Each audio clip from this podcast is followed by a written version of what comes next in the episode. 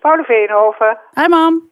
Hi, lieverd. Hi. Wat ik me afvraag, hè, ehm, ehm, ik praat zo meteen met Hedy Dancona en die, is, nou, die liep voorop ongeveer in elke demonstratie. Heb jij wel eens gedemonstreerd?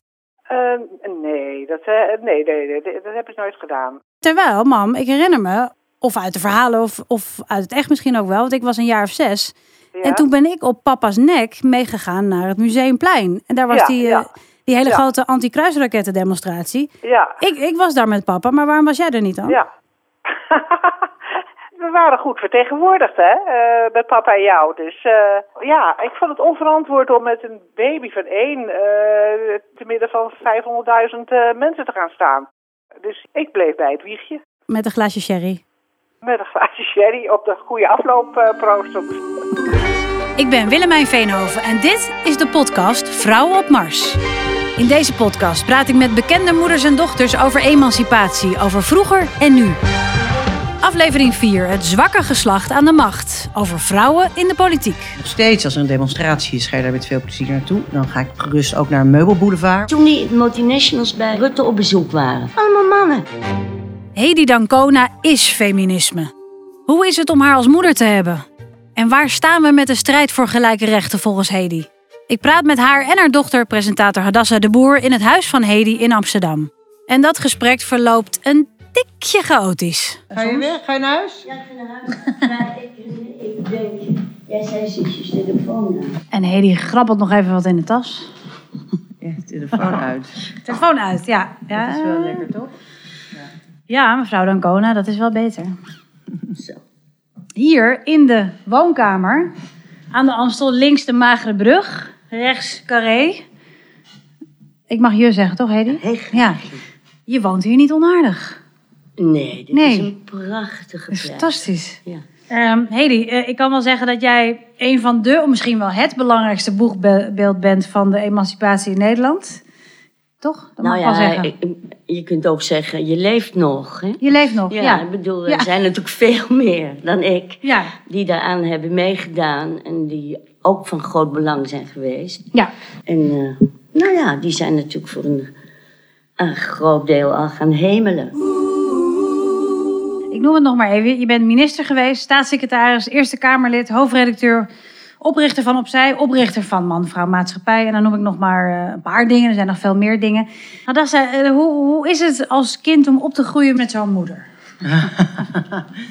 Verschrikkelijk. Ik weet het niet. Je, je, je groeit op in een situatie als je eh, dat, dat ga je, je weet normaal het, je vinden. weet het niet beter. Nee, dat is waar. Nou, je En, hebt in eh, heel wat demonstraties Dat wel. Ik, heb wel. ik Ja. kan nog wel eh, he- heel... hey, vrouw, kom in het verzet tegen de nieuwe abortuswet. En dan was ik zes of zo. Ja, dat kan ik, al, dat kan ik me nog wel goed herinneren. moest je dat, dat, dat- je, moest je dat, dat rijmpje uit je hoofd leren? Of, dat, of je zong gewoon je Ja, ik moeder na? mee. Ja, dat werd zong gewoon, mee. ja, precies. Ik weet het niet eens meer. Dat Laat je niet verlakken nee, door die stomme zakken. Dat, was- Zat er nog achteraan. En ik nam jullie ook wel mee naar vergaderingen en zo. Ja, of, eh, of ook naar radio-uitzendingen in de Rode Haan. Dat zaten we ook, vond ik wel spannend. Maar ik denk, als je klein bent, dan, eh, dan heb je nog een soort trots. Hè? Als, als je merkt dat, je, dat eh, je moeder in de belangstelling staat, dat ze zich inzet voor dingen, dan krijg je, ja, dat, dat is anders. En dan komt in de puberteit, komt, komt de gêne natuurlijk. Dan Ja. denk je, fijn dat ik een andere achternaam heb. en eh, Ja. Kan je dat herinneren ook? Dat je wel eens, eh, kan je voorbeelden noemen? Dat je in je puberteit dacht, eh, oh mam. Oh. Nou, niet, niet zozeer dat ik oh mam dacht, maar eh Hedy was minister. En dan is er gewoon natuurlijk ook heel veel kritiek.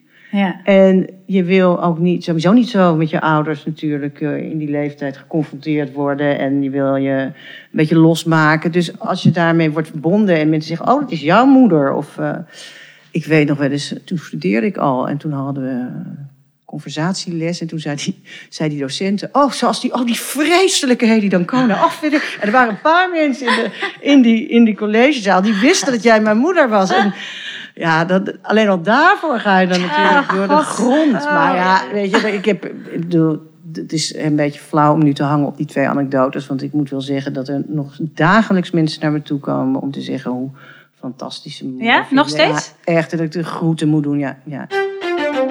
Je kan nou niet zeggen dat wij aan, eh, aan de keukentafel, en dan gaat het natuurlijk meer toen ik inderdaad nog mijn, mijn politieke bestaan kon verenigen met, eh, met kinderen thuis. Mhm. Dat wij dan eh, interessante gesprekken over de politiek hadden. Nee. En wat die kritiek betreft, dat was ook wel heel grappig. Want dan, eh, Daar wil je toch nog even op ingaan, op die kritiek, of niet? ja, dat, nou in die zin, dat eh, op een hele andere manier Ja. Je krijgt natuurlijk veel kritiek. Ja. En ik vond dat heel naar. Maar dan kwam ik thuis en dan zei ik tegen hun... Maar toen waren zij natuurlijk al een stuk eh ouder. Studeerde jij misschien al van... God, zeg een naar stuk in de krant of naar... En dan zeiden ze... Oh, nou, dat hebben we niet gezien hoor. Nou, nee. Ja, ja. En dan zei ik, ja, ik zei ook wel eens Ja. tegen een collega van mij, Jo Ritsen. Ja. Ehm, daar zat ik dan eh, in, in de ministerraad en dan zei hij, hoe vind jij het eigenlijk, Hedy, om dit te doen? Toen zei ik, nou, ik vind het wel leuk. eh, Je werkt je te pletter en dan kan je zonder dat je daar nou veel aan kan doen, eh, van die eh, rottige opmerkingen zo eh, in de krant lezen. Toen zei hij, oh, voor jou wordt nooit wat geschreven. Nee, mij, ik durf hier vrijdags niet over dat binnenhof te lopen. En dat is dus, was dus zo leuk, dat, ehm, eh, dat mijn kinderen het ook nooit gelezen Ja, ja, ja. dus dat had ook wel iets. Dat ga je niet even lekker eens even op de... Hè? Maar ik kan niet zeggen Totje van, eh, nemen. wat Nee. je wel eens hoort van anderen. We hebben altijd thuis fantastische gesprekken. Nee, maar weet je wat ook, wat ook Nee. denk ik een heel g- groot verschil is met nu? Ja. En, dat, eh, en wat heel prettig is eigenlijk, was dat je had geen computers, je had geen mobiele telefoon. Dus op het moment Ja. dat Hedy thuis was, ze was wel veel aan het werk, dan ging het gewoon echt over de huiselijke dingen. En kwam dat werk drong niet, drong niet binnen. Soms belde er nog iemand ouderwets aan om even zijn punt te maken hier. Je had ook van die ouderwetse idioten. Tegen, ja, echt pre-Twitter, dat is ook een geestig. Weet je nog meneer Lekien? Dat was een beruchte, ja, nou ja, Ja, actievoerder. actievoerder, maar ook stond- die een stond hier aan de deur. En die belde bij iedereen aan. Nou, hele verhalen. Ook tegen mij. Was ik, was ik, was ik acht of zo. Of "Mam, mijn moeder is niet thuis. Ja, dan moest dan, ja. Ja, heel En dan zat je hem wel aan te horen, ook als kind. Ja, Ja, daar is de kien weer. En dan, Ja. dan, dan luisterde je er en dan, dan oké, nou ik zou het doorgeven. Maar het was een ja, speech van 10 minuten. Als je bij mensen thuis kwam, wat erg eigenlijk. Je keek welke gids er op tafel lag. Welke Was te- er- televisiegids? Ja, Dus dat was dan de VARA-gids of de VPRO-gids. En Maar als er dan een troskompas lag, lag of zo, dan, dan, dan, dan viel het wel op. Of de kranten, als mensen een telegraaf lazen. Maar eerlijk gezegd, ik, ik heb het idee dat bij mij op school weinig. Ik weet nog wel één familie waar dat inderdaad zo was. En die stemde VVD. En toen waren we heel klein. En toen had zijn moeder uitgelegd. Vond ik wel fantastisch. Van hoe dat dan zat tussen de Partij van de Arbeid en het verschil in de VVD. Ja. En die zei, en dat vond hij dus dan heel erg een reden om op de VVD te stemmen. Ja, als je een rolletje drop hebt, dan wil de VVD dat je dat rolletje drop lekker alleen opeet. En de Partij van de Arbeid die wil dat je dat rolletje drop deelt. Nou, dat vond ik dus een heel goede reden om voor de Partij van de Arbeid te kiezen. Dat Ja, was ja, de discussie van, de, van een achtjarige, maar het is me altijd bijgebleven. Ik denk ook altijd, kijk, dat opvoeden. Ah, nou ja, je doet eigenlijk maar wat, hè? Ja, is het zo? Eh jawel, ik bedoel, eh, eh, het is, het is toch iets van, eh, het moet een beetje meezitten, hè? ook die kinderen. ja. Maar het is natuurlijk wel zo dat zij eh, ehm, toch in een eigenaardige situatie zaten toen ze klein waren. Want ik was gescheiden, dus zij woonden hier voor een groot deel alleen met mij. ja. En ik was dan ook wel eh, heel Aan het veel werk. Nou, Ja. Aan het werk en en weg. Ed van Tijn ook. Nou, maar dat was ja. een korte tijd maar. Ja. En, en, ehm, Ja, maar je had het ook wel goed geregeld. Want dan had je bijvoorbeeld eh, werkstudenten die hier in huis woonden. En die vonden, dat vonden wij wel leuk. Weet je, Ja. Nou, dan, eh, Ah, Ja, die moesten in ruil dan en met jullie moesten, dan eten. e- eten. En, dan moesten ze ook koken. En die, Ja, ze vonden het natuurlijk wel eh, vanzelfsprekend als hier hun grootmoeder kwam en die maakte eten en dan hoefde je verder niks te doen. Maar Ja. zo'n jongen die pas twintig was, daar gingen ze meehelpen. Die lieten ze natuurlijk niet alleen de aardappels schillen. Nou, ik zeg natuurlijk, maar zo waren die kinderen van mij niet. Die gingen, die hebben daardoor eh, ook wel een beetje koken geleerd. Ja, maar het was ook zo dat, dat juist in die puberteit, dan ben je, vind je het ook wel lekker dat je moeder niet de hele tijd op je lip zit. Ja, ja, nee, dat kan ik En dan als je er bent, Ja. heel gezellig, maar die vrijheid. eh, En zo'n en zo- goed en gebruik zo'n van leuke gemaakt. werkstudent in huis. En Een, zo'n le- een leuke werkstudent, jongen van ja, ja, nee, 20. nee, Ja. Lijkt me heerlijk. Ja. heleboel van die dingen, hè, die, die, die dus in het leven later van belang zijn, Mhm. die komen natuurlijk bij je naar binnen als je, als je klein bent. Maar die komen dan volgens mij toch, ja, als het ware door je poriën naar binnen. Je leeft op een bepaalde manier. En, ehm, en dat komt bij die kinderen binnen. Niet omdat je het zegt. En je voelt je natuurlijk toch altijd ook wel. eh, jij dat nooit? Heb je kinderen? Nee. Nee, maar als je wel kinderen hebt, voel je ook altijd wel een beetje schuldig als het te erg wordt. Hè? Het is nou ook niet allemaal vanzelfsprekend. Als Radassa zegt, ja, als mijn moeder thuis was, dan was ze er ook wel. Ja, dat kwam ook omdat je dan toch vond dat, dat, dat je moest compenseren voor de uren dat je er niet was. En ik heb wel eens een filmpje gezien. Toen hadden, ehm hadden Hajo, dat is Adas's oudere broertje. Ja. En die eh, zat hier dan op het plat hierachter met al zijn vriendjes. En die hadden het over het leven en de zin van het leven. Die waren dus ook eh, 16, 17. Ja. En dan liep Hadassa daar met een krat pils, geloof ik, rond.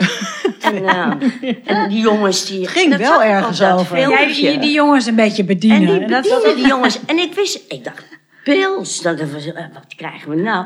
En Hadassa, die die jongens bedient, Dat weet je wel, heel erg vond ik dat. Maar was het wel Maar ja, de ja dat was jaren daarna. Heb dus je dat er ooit haar op aangesproken of niet? Nee, want Nee. dat was jaren Ja. daarna, toen was het alweer over. Maar wat dacht je dan? Van, dat moet toch niet gekker worden? Mijn dochter die die jongens een beetje loopt te dat bedienen. was, vond ik wel, maar dat was, kijk, dat was dus, ik wil maar zeggen, je weet lang niet Nee, nee, altijd ja. alles wat Ja. kinderen doen. Ja. En soms is dat ook wel oké.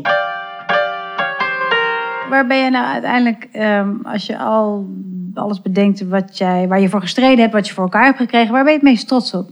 Nou, ik ben op niks trots. Nee? Nee, ik ben niet op niks trots. Ik ben eh, tevreden dat eh, vrouwen ehm hun onderwijsachterstand... De abortuswet niet? Oh, maar daar ben je toch niet trots op? Hebben- Ik weet niet Nou ja. hoeveel jaren. Dat was een voorwaarde. Ik bedoel, vrouwen moesten zichzelf ontplooien. Oké, dat onderwijs is goed gekomen.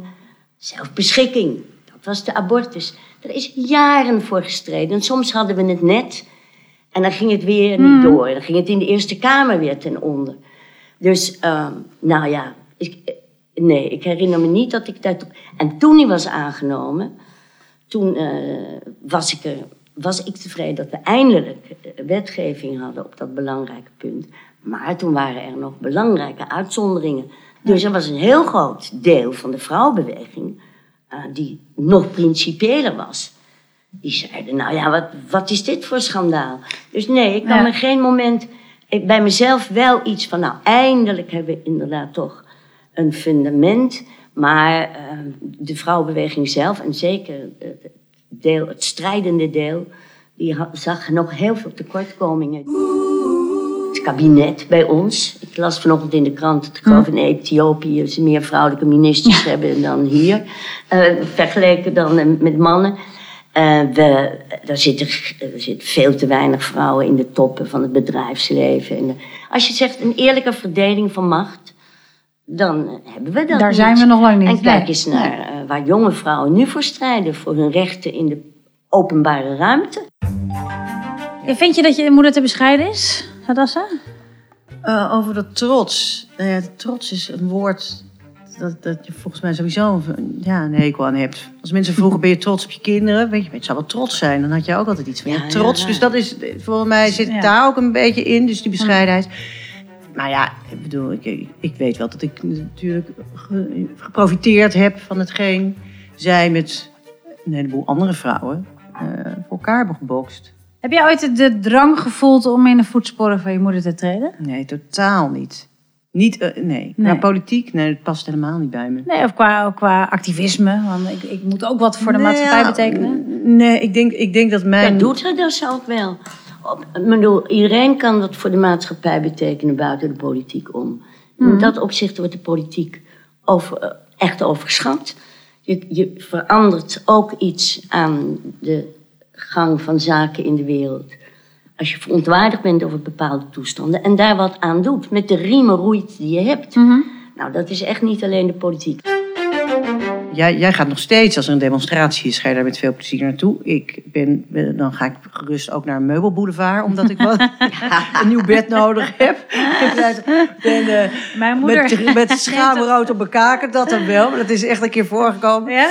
Maar inderdaad, voor mezelf dacht ik, ik heb het allemaal dat dacht ik ook, heb elkaar. en nu denk ik, hmm, wat Ja. ben ik daar? Ik ben toch wel een beetje blind gewoon. Voor de verschillen die er nog zijn. Ja. En voor de mannen die soms misschien. Ja. Ja. maar ik heb bijvoorbeeld zelf helemaal. Dan denk ik, weet je, natuurlijk, een particulier voorbeeld, dat begrijp ik heus wel. Maar ik heb nog nooit, terwijl de media volgens mij daar bij uitstek de business voor is. Ik heb nooit last gehad van het feit dat ik een vrouw ben. Eh, ik heb nooit eh, het gevoel dat ik be- bevoordeeld dan wel benadeeld ben.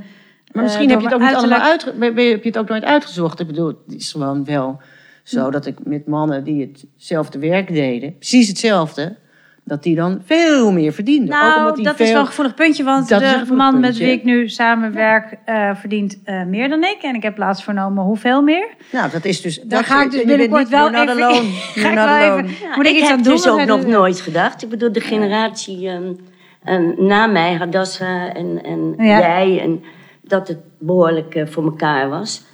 Ik ben nooit echt tevreden, want wij wilden, richt het zo in dat het, ehm, dat het gelijk is. Ja. Dat je het brood op de plank en de zorg binnen huis. Nou, daar zijn we toch ver van verwijderd, met alle consequenties daarvan.